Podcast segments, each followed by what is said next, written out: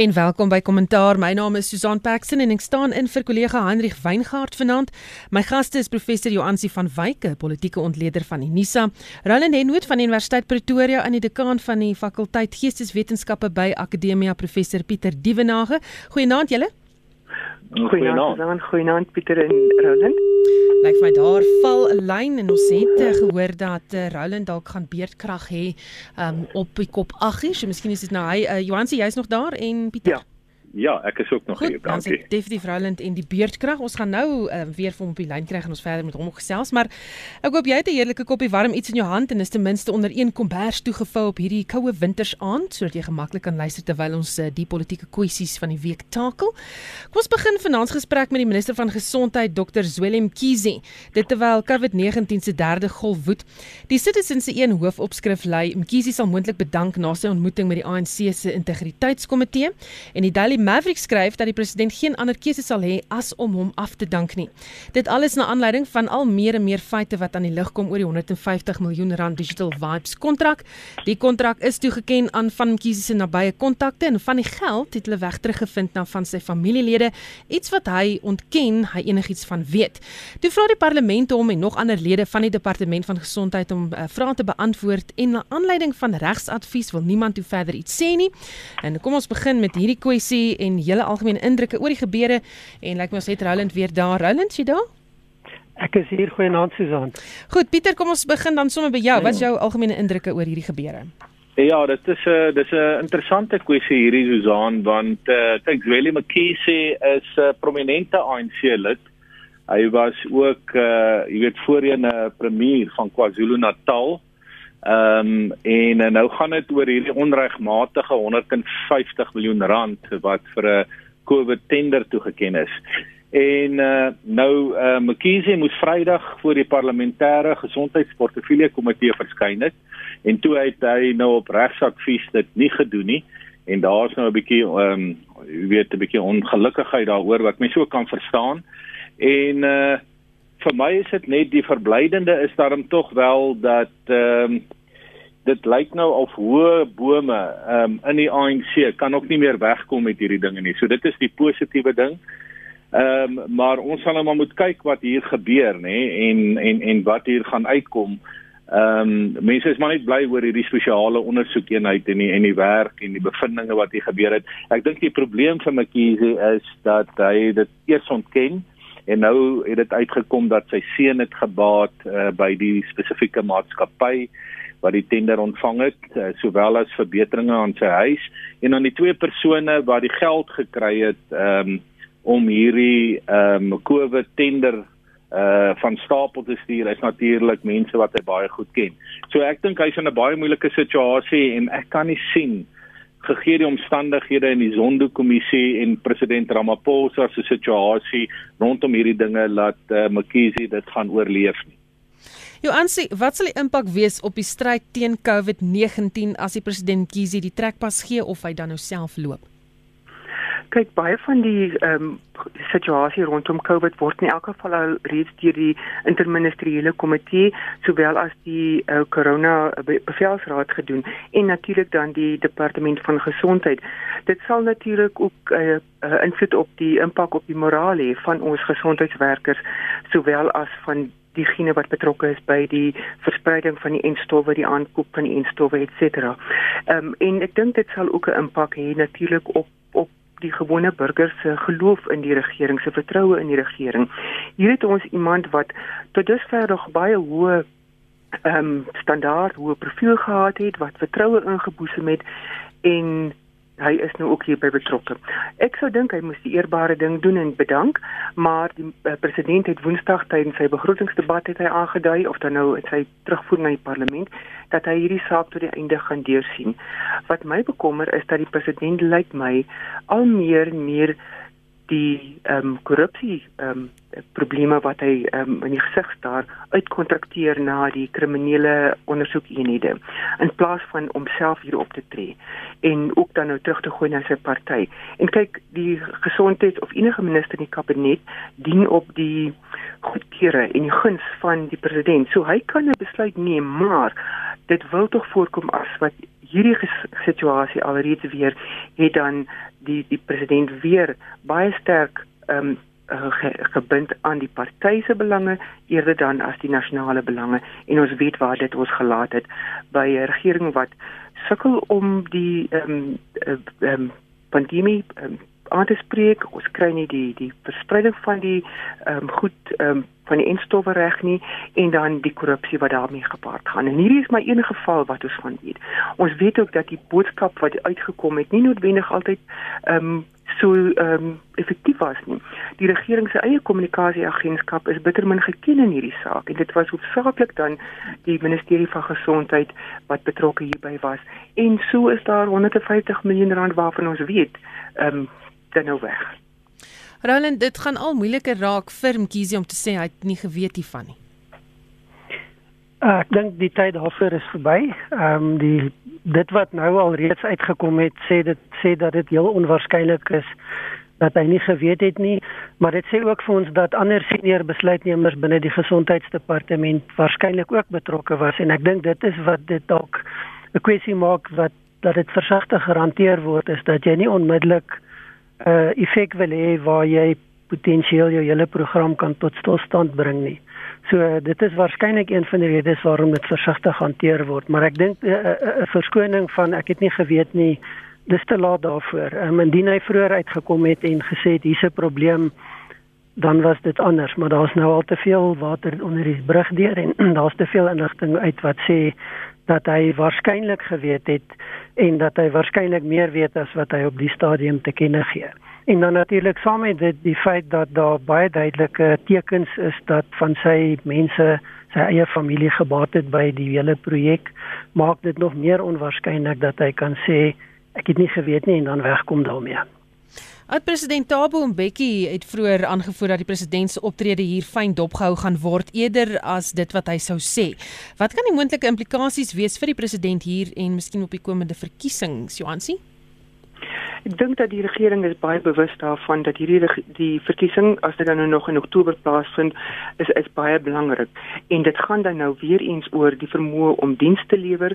Dit gaan dan ook oor die vermoë om dan te te um, korrupsie en korrupte amptenare aan te um, vas te trek. Maar ons weet ook dat die gewone burger wat wat vir die ANC stem, nie noodwendig van hierdie goed bewus is of hulle self hier aansteer nie. Dat dit gaan op gebonde lojaliteit ehm um, waar volgens gestem word. En ons weet dan dat ehm um, wanneer die politieke partye gaan regtig begin met hulle veldtogte en verkiesingsveldtogte dan gaan die beloftes natuurlik nou baie groter word as die huidige situasie. Daar's reeds reeds sprake dat die ehm um, spesiale ehm um, ehm um, grants ekskuus tog ehm um, wat wat tydens die ehm um, pandemie uitgereik het dat dit moontlik verleng gaan word die 350 rand. So dat dat die regering dan alreeds die pad voorberei om dan um, stemme te werf en dan om basies dan nou die die die projeksie weg te kry van die onvermoë om korrupsie aan te spreek. Pieter Ja, ek dink die uh, die verkiesing aan die einde van die jaar gaan baie interessant wees en uh, mens kan verwag dat die regerende party gaan sy bes doen om sy sy steunbasis te behou. Mense kan ook kyk na die tussenverkiesings wat daar was, maar dis ook nie altyd 'n baie goeie barometer nie. Vir my is dit baie interessant wat in die metro's gaan gebeur. Gaan mens weer 'n tendens kry soos 2016 dat ehm uh, die ANC steun verloor. Ons het ook gesien dat die ANC in die in die algemene verkiesing in 2018 uh, steun verloor het. Ehm um, en as dit die geval is, dan kan dit baie interessant raak wat in metro's gebeur en so meer. Ek is tog wel bekommerd op die platteland, baie van die dorpe, jy weet, die die die verkiesings daar, uh, baie van die kiesers het het amper 'n bondgenootskap met die met die ANC wat dit baie moeilik maak uh om uh 'n ander party aan bewind te kry. Daar is net 'n emosionele houvas en uh, daar is ook genoem hierdie toelaas wat gegee word uh, aan die mense en dit word verleng na hierdie tyd van die jaar. So al hierdie faktore dink ek gaan 'n rol speel. Maar ek het tog 'n vermoede ons gaan verras wees wanneer die verkiesing hierdie jaar in Oktober plaasvind. Want ek dink 'n party soos die ANC ten spyte van al die lojaliteit wat dit het en en wat dit opgebou het Ehm um, ek dink tog mense gaan op een of ander manier begin uh, een en een by mekaar sit openlik. Sodat ons daarom dienslewering uh jy weet en en al hierdie belangrike dinge wat en goeie bestuur. Suid-Afrikaners smag so na goeie bestuur dat al hierdie dinge na vore kan kom en dat Suid-Afrikaners kan begin dink aan 'n moontlike Suid-Afrika waar die ANC nie aan bewind is nie, maar moontlike oppositieparty is. Ek hoop ons ons kan in daai rigting beweeg. Roland Ja, dit sal interessant wees om te sien. Ehm um, ek dink wat ons tot dusver gesien het is dat hierdie tipe gebeure het nie 'n onmiddellike effek op ondersteuning vir die ANC nie. En dan sonder om sinies te wees, ehm um, het ons nou ook al geleer dat politici het altyd planne en daar's nog heelwat kaarte wat die president kan speel indien hy dink dit gaan vir hom verkeerd loop om mense in die verkiesing te laat twee keer dink om nie vir die ANC te stem nie. En um, Pieter verwys na die kwessie van toelaas. Daar's natuurlik nog steeds die onderhandelinge oor salarisse wat moet plaasvind reg deur die strukture. En dit is alles goed wat op alles het op 'n simboliese manier gebruik kan word om so 'n bietjie ehm um, ondersteuning moontlik te maak en natuurlik is dit nie nuut in die geskiedenis van Suid-Afrika nie. Dit is iets wat deel is van ons verkiesingspolitiek. Maar daar's ook 'n ander konteks dink ek wat mense hierna moet gaan kyk en dit is dat die proses in die ANC kan natuurlik ook tot voordeel van president Ramaphosa werk. Ehm um, indien hy ANC-lede um, en ek praat van gewone ANC-ondersteuners en mense wat die party goedgesind is kan oortuig dat hy 'n geveg van goed teen kwaad besig is om om aan te pak en te bestuur, gaan dit waarskynlik 'n klomp loyale ANC mense terugbring om vir hom te stem, selfs diegene wat in die vorige verkiesing buite stemming gebly het. Want hulle voel hier is 'n geleentheid om die ANC in ere te herstel en om om die goeie saak van die ANC te ondersteun teen dit wat verkeerd geloop het. En dit maak nie saak wat 'n mens as analis van die proses gaan maak nie. Dit behoort goeie politiek vir die president te wees en dit gaan waarskynlik goed werk vir die ANC indien hy dit so sou doen. En en dit lyk asof dit een van die ehm um, projekte is wat deel van die verkiesingsprojek word. Nou gepraat van COVID-19, kom COVID-19 uit 'n laboratorium. Amerika het of Amerika eerder het nou ondersoek geloods na die gerugte weer begin sirkuleer het. Destyds het oud-president Donald Trump groot gewag gemaak afvan. Nou toon 'n intelligensieverslag van die FSA dat die moontlikheid wel bestaan. Joansie, wat sien aan die gebeur? Dit wil tog voorkom asof uh, die baie Is jy nog daar? Trump regering kan jy my hoor? Jy net so effens weggebreek daar, maar Goed. ja. Goed, dit wil nog voorkom asof die Biden regering dan nou hier doen wat Trump aanvanklik aangekondig het um, rondom Mei 2020 omdat Trump het gesê dit niemand het dalk ernstig opgeneem nie. Maar goed, ons weet dat daar is bepaalde spanning tussen China en die VSA. Ons weet ook dat dit elke staat se se soewereine reg is om dan nou sy eie biologiese veiligheid um, dan nou te verseker. En dit wil ook voorkom asof die verslag wat die Wêreldgesondheidsorganisasie in 20 Joansi lyk vir my uh, Johansie moet vir my dalk so bietjie na links of regs skuif kyk of ons hy sein kan sterker kry wil wil wegbreek. Goed, kan jy my nou hoor? Ek hoor jou. Goed. Ehm um, en dit wil tog voorkom asof die die wêreldgesondheidsorganisasie se verslag wat uitgekom het ehm um, na die ondersoek uh, van die Wuhan ehm um, um, ontstaande nou of die markte nou was eintlik inkonklusief in terme van wat is die oorsprong van die die die virus en ook dat die Chinese was nie baie uh, gretig om openlik van die inligting te deel nie. So goed, waar het ons nou vir Biden? In die eerste plek is hulle besorg oor hulle eie veiligheid. Ehm um, Tweedens weet ons dan nou ook dat die die nuwe horisonne van oorlogvoering gaan dan nou op hierdie vlak wees en dan ook in die kuberruimte. Derdens weet ons dat die toename van zoonotiese ehm um, siektes het sedert die 1970-80s veral met die begin van HIV het dit dramaties toegeneem. En dit maak sin dat ons weet waar hierdie tipe siektes vandaan kom. En as ons dan nou weet wat die wat die situasie is is daar natuurlik beter beplanning ook. Maar dan is daar ook vraagstukke rondom die befondsing van die Amerikaners van laboratoria in Wuhan naby die mark um, hulle kan van die navorsing nie in die FSA doen vanweë wetgewing maar dat daar befondsing was vir hierdie ehm um, navorsing dan nou binne in China waar die wetgewing dan nou nie so streng was nie. Wat dan nou ook al die oors, um, oorsprong daarvan was, daar is van die mediese tydskrifte soos The Lancet, The New England Journal of Medicine wat byvoorbeeld gesê het maar hulle ondersteun ehm um, nie die standpunt dat eh, of dan nou die laboratoriumteorie wat daarop neerkom dat dit ontstaan het in 'n in 'n laboratorium nie maar ons sal moet sien wat uh, binne die volgende 90 dae wanneer hierdie komitee wat wat dan deur Biden aangestel is wat dan moet ingeënde verslag om te sien wat hulle gevolgtrekking was. Ons weet egter dat die spanning tussen die FSA en China gaan nie ehm um, weggaan nie. Biden moet homself as 'n buitelandse sake uh, president vestig en ons weet dan ook dat binne China is daar baie meer um, selfvertroue in terme van die Suid-Chinese See en ook dan nou met die Belt um, uh, Belt uh, Pad inisiatief um, in Afrika. So ja, ons sien uh, 'n uh, nuwe wêreld wat besig is om te ontvou en hierdie is maar een van die eerste kartetse. Roland sal ons ooit die antwoorde weet want China is nie baie vrygewig met inligting oor die algemeen nie. Ja, dit is onseker op die stadium, maar ek dink daar's tog 'n paar belangrike aspekte. Die eerste is dat China is waarskynlik hulle eie grootste vyand op die stadium omdat hulle so aggressief reageer teen almal wat vra begin vra het reg van die begin af. En ons weet Australië is een van die eerstes wat redelik hoë prys betaal het vir die feit dat hulle gevra het vir so 'n ondersoek.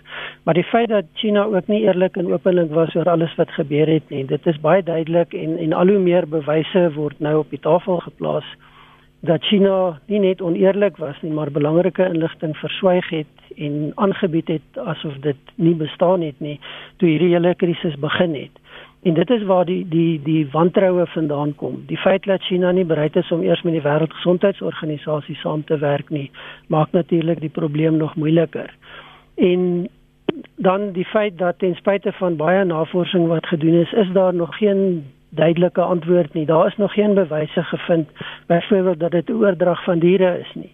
So dit maak dit 'n baie belangrike saak, maar die kwessie is China is van kardinale belang en mens weet nie wat se toegang die FSA se intelligensiedienste het en wat tot watter mate hulle gaan bereid wees en in staat wees om werklik bekend te maak wat hulle weet in so 'n ondersoek nie. Want dit kan natuurlik ander negatiewe gevolge vir hulle hê.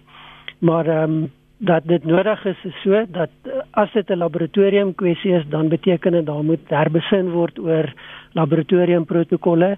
Ehm um, indien nie dan is dit net eenvoudig 'n proses wat moet aangaan. Ehm um, jy kan nie beplan en sulke uitbrake hanteer as jy nie weet waar dit vandaan kom of jy kan dit nie so effektief doen nie. So dit is 'n belangrike inisiatief. Maar ek dink mense moet aanvaar dat behalwe die onsekerheid daarvan is dit 'n inisiatief wat tot toenemende spanning en konflik gaan lei en waarskynlik nie net tussen China en die VSA nie, maar ook tussen China en ander rolspelers wat by hierdie proses betrokke is. Pieter? Ja, ek uh, kan nie veel meer byvoeg nie. Ek dink Ansie en Roland het die wesenlike gesê. Ek wil net miskien hierdie deel van die gesprek afsluit, Susan, deur daarop te wys dat ehm um, die COVID situasie is nie net 'n bloot nou 'n mediese of 'n kom ons noem dit 'n wetenskaplike kwessie, maar dit is volledig verpolitiseer. En van hier af gaan dit baie fyn voetwerk kos. Uh dis net vir my interessant dat ehm um, dat as mens nou kyk na die Amerikaanse presidents uh verkiesingsveld tog toe is daar gesê dat president Trump ehm um, werk met samesweringsteorieë en so aan, jy weet rondom China en nou is dit interessant dat die Biden administrasie tog ook uh in daai rigting beweeg as mens nou kyk na die verklaringe uh, en so meer die afgelope uh, week. En uh die interessante gaan net nou wees hoe mens tussen hierdie ehm um, jy weet die duiwel en die diep blou see gaan deurvaar uh in in in die sin dat aan die een kant um, is hierdie kwessie volledig verpolitiseer en binne die magspolitiek of die geopolitiese omstandighede van ons tyd en en en die twee magsblokke is maar Amerika en China ons weet dit met al hulle geallieerdes uh aan die een kant en aan die ander kant om werklik wetenskaplik en tegnies agter die kap van die byl te kom. Dit dit gaan 'n baie moeilike proses wees om hierdie twee kom ons net nou maar ehm um, pole bymekaar uit te bring. Uh, maar ek ek uh, dit is dit is net so dat uh, ons almal as gewone burgers van lande maar ook as mense in in die wêreld en en dit is eintlik nou 'n globale kwessie ook wil antwoorde hê wat het daarin woaan gebeur. Was dit van uh dier tot mens? of ehm um, is dit 'n laboratorium teorie wat uh, wat wat al hoe meer waarskynlik uh, lyk uh, lyk dit vir my. Hmm. Maar weer terug na gebeure hier op eie bodem en Pieter terwyl jy aan die woord is, hmm. nog 'n katnes wat stadig maar seker oopgevlek word is die probleme binne die polisie. Verskeie koerante ja. van die naweek berig dat die hmm. polisie in 'n krisis is weens die leierskap en 'n politieke verwantskap of aspirasies. Wat maak jy hiervan?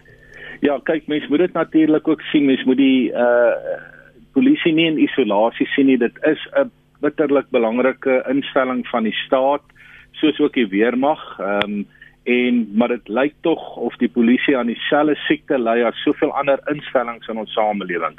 En dit is dat mense mekaar binne die instellings nie vertrou nie, dat verhoudinge toksies is en dat daar kwaai verdelinge is uh uh en mens kan nie altyd agterkom presies waar die verdelingslyne lê. Uh, jy weet jy nie topbestuur uh van die polisie nie. Ehm um, een van die probleme is natuurlik ehm um, en dit is al baie aangespreek dat die polisie stelselmatig uh, na 1994 eintlik verpolitiseer is en hiermee bedoel ek dat um, dit is die beste as jou polisieamptenare en jou top uh, polisieamptenare deur die deur die range kom nê van 'n konstabel regdeur tot 'n uh, kolonel tot by 'n generaal.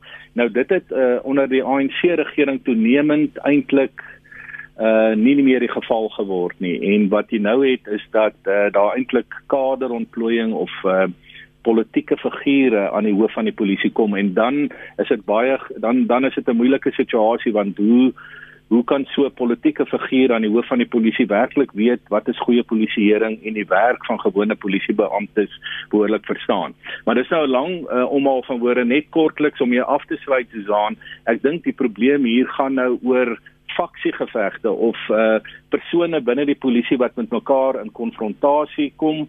Dit gaan veral oor drie figure in die Wes-Kaap, ehm um, wat uh, dissiplinêr verhoor word en en dit gaan dit is mos ehm um, jy weet generaal Peter Jacobs, uh Andre Lincoln en dan ook Jeremy Wery en dit gaan daaroor dat hulle wou um, gaan ondersoek instel op die Kaapse vlakte of daar nie 'n verband is tussen polisielede wat geld of nie geld nie maar wapens gee vir bendes nie of mense in die onderwêreld nie. En hulle is toe gekeer met hulle ondersoek en nou is al drie op dissiplinêre verhore. Een is ook afgedank. En dit skep uh, net vir ons gewone burgers eintlik diep vrae oor wat gaan in die polisie aan en en die die die probleem is net die polisie is nie enige instelling nie. Die polisie is die instelling wat ons as burgers in Suid-Afrika moet beskerm. En as hierdie gebeure afspeel binne die polisie, dan dan is mens maar as uh, gewone burgers van die staat die bekommerd oor 'n baie belangrike instelling. Roland Ja, ek dink die krisis in die polisie is een van die groot krisisse wat op die stadium nie die aandag kry wat dit moet kry nie. En en, en dis 'n krisis wat met 'n veelheid van fasette homself aanbied. Ehm um, die eerste vraag wat wat ek het oor die polisie is waar is die verantwoordelike leierskap? En ek dink deel van die probleem is die huidige minister van polisie. Ehm um, hy is die persoon wat nou die leiding moet neem wat die proses moet dryf en hy's besig met goed wat vir my nie lyk asof dit die kernvraagstuk is wat hanteer moet word nie. En ek sê dit nie ligtelik nie, maar as ons gaan kyk na die bestuursprobleme in die polisie, die feit dat kern sektore van die polisie op die stadium glad nie kan funksioneer nie as gevolg van personeel en leierskapsprobleme maar ook as gevolg van doeteenvoudige administratiewe probleme. Ehm um, sagteware lisensiegelde wat nie betaal word nie, laboratoriums wat lam gelê word. Daar's 'n hele reeks van hierdie goed en dit is alles in die publiek. Dis oop, dis nie geheime nie. En ons sien niks word hieroor gesê en gedoen wat enigsins 'n indruk maak nie. Hier en daar word daar 'n woord gesê en dan word dit gelos. En vir my is dit net ondenkbaar dat ons gegee die situasie wat mense in Suid-Afrika het sit met so 'n breekspel en so 'n afwesigheid van leierskap. Ehm um, as ek die president was, dan sou dit iets wees wat baie hoog op my prioriteitslys is, maar sover is daar geen teken dat dit wel die aandag kry wat dit moet kry nie. En die gevolg hiervan is dat gewone burgers geweldige skade ly, dat hulle onveilig is, nie net voel nie, maar onveilig is. Van daar is nie leiding nie, daar is nie ordentlike polisieering wat plaasvind nie. En dan blyk dit asof dit nou maar so aangaan. En dit natuurlik het 'n effek regdeur die struktuur op die moraal van mense, maar ook op die feit dat jy gebrekkige leierskap gee aanleiding met tot gebrekkige dissipline en dit beteken dat polisielede nie doen wat hulle moet doen nie. En dan sit jy met al die ander probleme en ons weet met opnames dat die polisie is waarskynlik een van die instellings wat die minste vertroue by die burgers van Suid-Afrika inboesem. So dit is 'n baie belangrike kwessie en polities lyk dit net asof dit nie na as belangrik genoeg geag word nie. Daar word nie veel hieraan gedoen nie. En dan een van ons ander krisisse, die parlement is hier letterlik missing in action. Ek meen dit is daar gebeur net niks nie. Hm. Johan sê stem jy saam? Is dit wat veroorsaak dat die polisie nie sy mandaat kan uitvoer en misdaad kan bekamp nie? Ja, dit is deel van die probleme. 'n Ander probleem is natuurlik dat ons terug moet gaan na die grondwet om te kyk wat is die die rol van die polisie en die rol van die weermag. Nou goed, as 'n mens kyk na die teoretiese en politieke wetenskappe wat dan sê dat die staat uh, het die monopolie oor geweld byvoorbeeld, maar nou sien ons dat die staat nou ook aandadig raak by van hierdie geweld. Of dit nou strukturele geweld, strukturele geweld is waar 'n gewone burger nie eers 'n verklaring by die polisie kan aflewer uh, af um, lewer omdat die polisie nie um, skryfvaardig skryfvaardighede het nie of dan die polisie wat betrokke geraak het by die verkoop van uh, wapens wat ingeneem is veral nou in hierdie tyd wat ons oor wapenwetgewing praat wat wat van hierdie wapens sowel as van die polisie se wapens van die van die staatswapenregister dan oor tyd heen um, deel geraak het van um, wapens wat dan nie net in Suid-Afrika soort van sirkuleer nie um, van Gauteng, um, KwaZulu-Natal, Kaapstad op die Kaapse vlak dit nie maar dat van hierdie wapens ook opgeduik het waar Suid-Afrika betrokke is by vredesoperasies elders in Suider-Afrika. So so hierdie probleem het nie net vir Suid-Afrikaners uh, uh, uh, gevolg nie, maar dan nou ook vir vir hierdie tipe uh, vredesoperasies waarby ons betrokke raak. En ons sien dan nou ook en ook um, in die aanloop tot die verkiesing in in Oktober sien ons dan nou ook en dit is ook bevestig um, deur 'n seminar wat die Interpol uh, organisasie vroeg Mei gehou het wat dan onder andere sê is dat polities gemotiveerde sluipmoordaanvalle en en suksesvolle met ander woorde waar mense gesterf het in Suid-Afrika het drasties toegeneem. En dit is een van die ehm um, ondersoeke waarby weer die ehm um, wat nou ter sprake is betrokke was. Wat hy onder andere gesê het is dat hierdie wapens sirkuleer ehm um, en en binne in KwaZulu-Natal onder die taxi geweld binne die die politieke ehm um, toneel daar maar dan ook wapens wat dan betrokke is binne die bende maar ook die ehm um, georganiseerde misdaad in in die Weskaap. Maar hierdie ding kom al van 2002 ehm um, toe ehm um, ek dink hy was brigadier Kobus Prinsloo wat aangestel is by die uh, polisie se wapenregister hy toe daarna skuldig bevind ehm um, 18 tot 20 jaar ehm um, tronkstraf opgelê vir sy aandeel in die verkoop van hierdie wapens wat dan nou deur die polisie ehm um, op ehm um, beslag gelees, mense wat dit gaan ingee en ook van die generaals wat nou betrokke was by van die die weermag se se wapens wat dan nou verkoop is vir eie gewin. En van 9 miljoen rand word gesê in die hofstukke het Prinsloo verdien uit hierdie goed. Ek dink hy is ook vroeër vanjaar dan nou op parol vrygelaat. So ehm um, weer die en en die situasie waartoe ons nou die afgelope week um, onsself bevind, het 'n baie lang aanloop van politieke inmenging van ehm um, die opvlekking van nie net kaderontplooiing nie, maar ook politieke bande by georganiseerde misdaad hierdie ehm um, 'n manier om om die die die konflik in die Wes-Kaap soort van in stand te hou met wapens wat versprei word, kinders wat dan opgeneem word in bende en basies hierdie hierdie tussengenerasies van geweld wat dan nou net net eenvoudig die siektes nie gebreek kan word nie. En ons weet dit is een van die redes waar waarom Charles Keniervoer um, doodgemaak is in die Kaap, ander wat by die in bende eenhede betrokke was in in die Wes-Kaap het ook al ehm um, um, doodstrygemente ontvang en weer lyk my is een van die nuutste slagoffers hoewel dit gesê word dat hy dan nou ehm um, afgedank is ehm um, as gevolg van die feit dat hy die polisie op sosiale me media dan nou in ehm um, sy rep reputasie aangetal het. Dit word gesê en soos wat ons weet was daar 'n taamlike woordewisseling um, tussen Weerie en sy voormalige werkgewer rondom ehm um, faksies ehm um, stam ehm um, gevegte binne die ANC ehm um, en binne die polisie. En dan ook Lesbes wat hy gesê het van sy gebruik van Afrikaans is een van die goed wat teen hom gehou word. En hy dan ook kapie gemaak daarteen dat hy dat sy woorde is verdraai en dat hy dit dit is sy moedertaal en dat hy dit dan nou verwerp dat die aantuigings in die die situasie teen hom gemaak word. Baie komplekse saak, maar mens moet seker sê nie alle polisielede is sleg nie. Daar's ouens wat regtig hulle werk probeer doen en wat goeie polisielede is, maar Zeker. die publiek se vertroue is geskaad in die polisie. Hoe moet daar te werk gegaan word om vertroue in die polisie weer te bewerkstellig, Roland?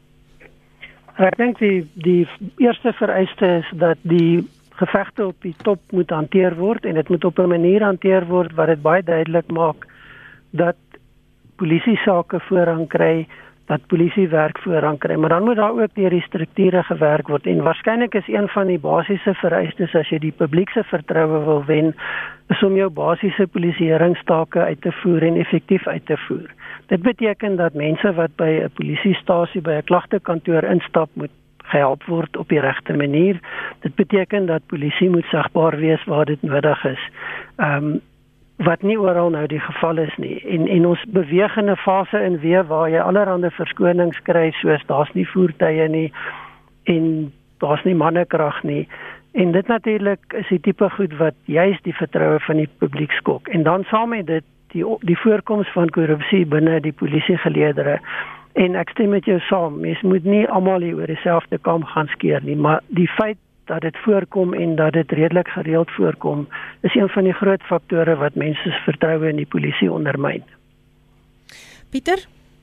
Ja, ek dink uh dit is so 'n groot uitdaging en die probleme so in is so intens in die sin dat as mens nou kyk, die ANC het vanaf 1997 van hulle konferensie daardie jaar het hulle besluit ehm um, die staatsdiens moet verpolitiseer word. Net die staatsdiens is deel van die ehm um, uh, van die hele proses van die ANC politiek en ek dink daardie probleme begin dat ehm um, 'n goeie polisie mag is is eintlik neutraal in terme van sy van sy gewone lede en tot by die generaals wat die wat die polisie lei. Ehm um, en dan jou politieke ehm um, koneksie met die polisie behoort ehm um, behoort in een te wees waar die polisie vertrou word uh, met sy mandaat om die land veilig te maak. Maar ons het glad nie uh, onder die huidige regering daardie tradisie nie. Ons het eintlik 'n situasie vanaf 1997 dat ehm um, die polisie uh, volledig verpolitiseer is met al die belange en al die komplekse faksiegevegte wat in Suid-Afrika aangaan en die misbruik van hulpbronne vir sommige mense en en alles wat daarmee saamhang. So dis dis eintlik 'n baie hartseer ding want want 'n land soos Suid-Afrika kort 'n baie hoogs professionele polisie mag want hierdie is 'n ordelose samelewing. Ons moet net gewoon baie eerlik wees met mekaar. Hoe graag ons ook uh, op die mooi dinge in Suid-Afrika wil wys, hierdie is die realiteit. Hierdie is 'n ordelose samelewing en dit verdien 'n hoogs professionele polisie mag, ook 'n hoogs professionele weermag en ek uh, ek is ek ek moet dit ongelukkig stel dat ek dink in beide van die gevalle is dit nie so nie en dit is tot nadeel van Suid-Afrika en sy burgers en ons posisie ook in die wêreld. Hmm. Nou daar's baie wat uh, gebeur op die nuusfront. Het, ons het nog 2 ure nodig om by alles uit te kom. Kom ons gaan weer buiteland toe. Um die Israeliese koalisie wat na verwagting sal in werking tree en wat beoog om die Israeliese eerste minister Benjamin Netanyahu te verwyder, sal 'n paar hekkies moet oorkom. Die eerste is um hy wat nie sonder geveg sal bes gee nie. En wat voorsien julle gaan hier uitkom? Dalk nog geweld. Joansi? Ja, ehm um, Susan vroeër vanaand het um, ek bietjie gekyk na die uh, Jerusalem Post se se nuutste berigte en daar was juis 'n berig oor die minister van verdediging Gantz wat juis gesê het dat daar is probleme met die ehm um, interne stabiliteit van van die land nou veral met hierdie samestelling um, van die die koalisie wat ongeveer uit ag verskillende partye reg oor die politieke spektrum behoort. Daar's natuurlik mense is dat Netanyahu dan sy totaal van 15 jaar, 12 jaar ononderbroke daarvan ehm um, sy bewind gaan verloor, maar ons sien ook dan nou komende week is dit dan nou die die sogenaamde vlagparade, 'n parade wat in um, Jerusalem gaan plaasvind. En op Jerusalemdag, dit sou in Mei gewees het, maar ons weet in Mei maand was daar die situasie rondom Al-Aqsa in Gaza en Hamas en dit is uitgestel en uh, Gans het juis uh, Benny Gans het juis vandag is vroeër vanaand gesê is dat die land punt en dat daar uh, hulle is maar groot gewag dat politici nie moet uitsprake maak wat dan um, die temperatuur kan verhoog nie. En hierdie um, stelling is dan ook deur Shin Bet die veiligheidsagentskap gesê is dat almal moet moeder moet kalm bly. Maar ons weet nou dat hierdie parade gaan nou juist deur die die moslim gedeelte van Jerusalem dit gaan in Oos-Jerusalem ingaan en die hele dag is 'n viering van die 1967 ehm um, uh, oorlog toe dat ehm um, Jerusalem verenig is um, en Oos-Jerusalem ingesluit so dis 'n geweldige emotiewe dag met dan hierdie onsekerheid rondom die koalisie wat dan nou nog deur die Knesset moet um, ingestem word. Dit sal vermoedelik die 14de Junie plaasvind, maar dit was vir Israel baie baie um, interessante week. Hulle het 'n nuwe president ook gekry, Isaac Herzog. Um, en dan nou um, Netanyahu is letterlik uit die kussings gelig met die koalisie wat ehm um, uh, Yair Lapid saamgestel is en dan nog boonop het hulle 'n nuwe hoof van Mossad ook gekry. Dit was een van die laaste aanstellings wat Netanyahu gedoen het. Ehm um, wat dan ook soort van die politieke alliansies binne Israel in hierdie stadium baie baie ehm um, ehm um, ongemaklik maak. Ja. Roland Ja, dit is interessante gebeure. Ek dink wat, wat dit belangrik maak is dat mense moet gaan kyk na die dinamika ehm um, tussen die persoonlikhede en en nie noodwendig tussen die partye nie. Ehm um, almal wat op die stadium of die die al die leiersfigure wat betrokke is by die samestelling van hierdie ehm um, koalisie was mense wat op 'n stadium vertrouelinge van Benjamin Netanyahu was. En hulle het almal met hom uitvalle gehad en weggebreek, hulle eie ding begin doen en nou op 'n punt gekom waar hulle gesamentlik die proses dryf om van hom ontslae te raak. En ek dink een van die eerste uitdagings wat 'n mens na gaan kyk is natuurlik die feit dat die dit wat ek gelees het sover is die een argument wat regdeur loop is dat al wat hierdie partye en leiers in gemeen het is dat hulle van Netanyahu ontslae wil raak. Nou dis natuurlik nie 'n basis vir 'n goeie regering skep, 'n standhoudende regering skep nie. En dis belangrik want ons moet onthou dat Israel het die afgelope 2 jaar vier algemene verkiesings gehad en nie een keer kon hulle met 'n uitslag kom wat 'n leier aanwys wat werklik 'n mandaat gehad het om te kon regeer nie. So dit voorspel niks goed nie. Ehm um, wat dit ook moeilik maak is die feit dat Netanyahu nie net lyk of hy nie sonder 'n geveg gaan terugstaan nie, maar hy gaan nie die reëls noodwendig nakom wat 'n mens sou verwag in 'n proses wat met 'n demokratiese verkiesing verband hou nie. Hmm. En hy het reeds begin uitsprake maak en hy is besig om mense op te sweep Ehm um, daar's allerlei betogings wat gehou word by die huise van individue ehm um, wat hom teenstaan en wat hy hy probeer letterlik sy oppositie intimideer om toe te sien dat hulle nie wanneer die Knesset die parlement gaan stem dat hulle nie 'n meerderheid kry wat die koalisie ehm um, aan die bewind bring nie. En dit is hoekom die interne intelligensieagentskappe het iets wat hulle omtrent nooit doen nie het 'n uh, het 'n waarskuwing uitgereik en gesê politieke leiers moet ophou met hierdie tipe van praktyke en uitsprake. Dis onverantwoordelik, dit gaan stabiliteit bedreig. Nou ek dink die een aspek wat ook hier belangrik is is dat van die sleutelfigure in hierdie nuwe koalisie is natuurlik ook mense met 'n baie lang geskiedenis as bevelvoerders maar ook as soldate in die um, Israeliese veiligheidsmagte. So dis nie asof Netanyahu kan sê net wat hy wil en almal gaan daarmee saamstem nie. Ek dink dit daar is so 'n fragmentasie, maar daar's ook soveel gedeelde belange dat dit nie noodwendig vir hom baie maklik ja. gaan wees om net te doen wat hy wil doen nie. Ja. Dis nou ongelukkig al waarvoor ons tyd het vanaand. My gaste was professor Johansi van Wyk, politieke ontleder van Unisa, stem van Roland Henwood wat jy nou gehoor het van Universiteit Pretoria en die dekaan van die fakulteit Geesteswetenskappe by Akademia, professor Pieter Dievenage. Dankie dat jy saam geluister het. My naam is Susan Paxton. Geniet die res van jou aand.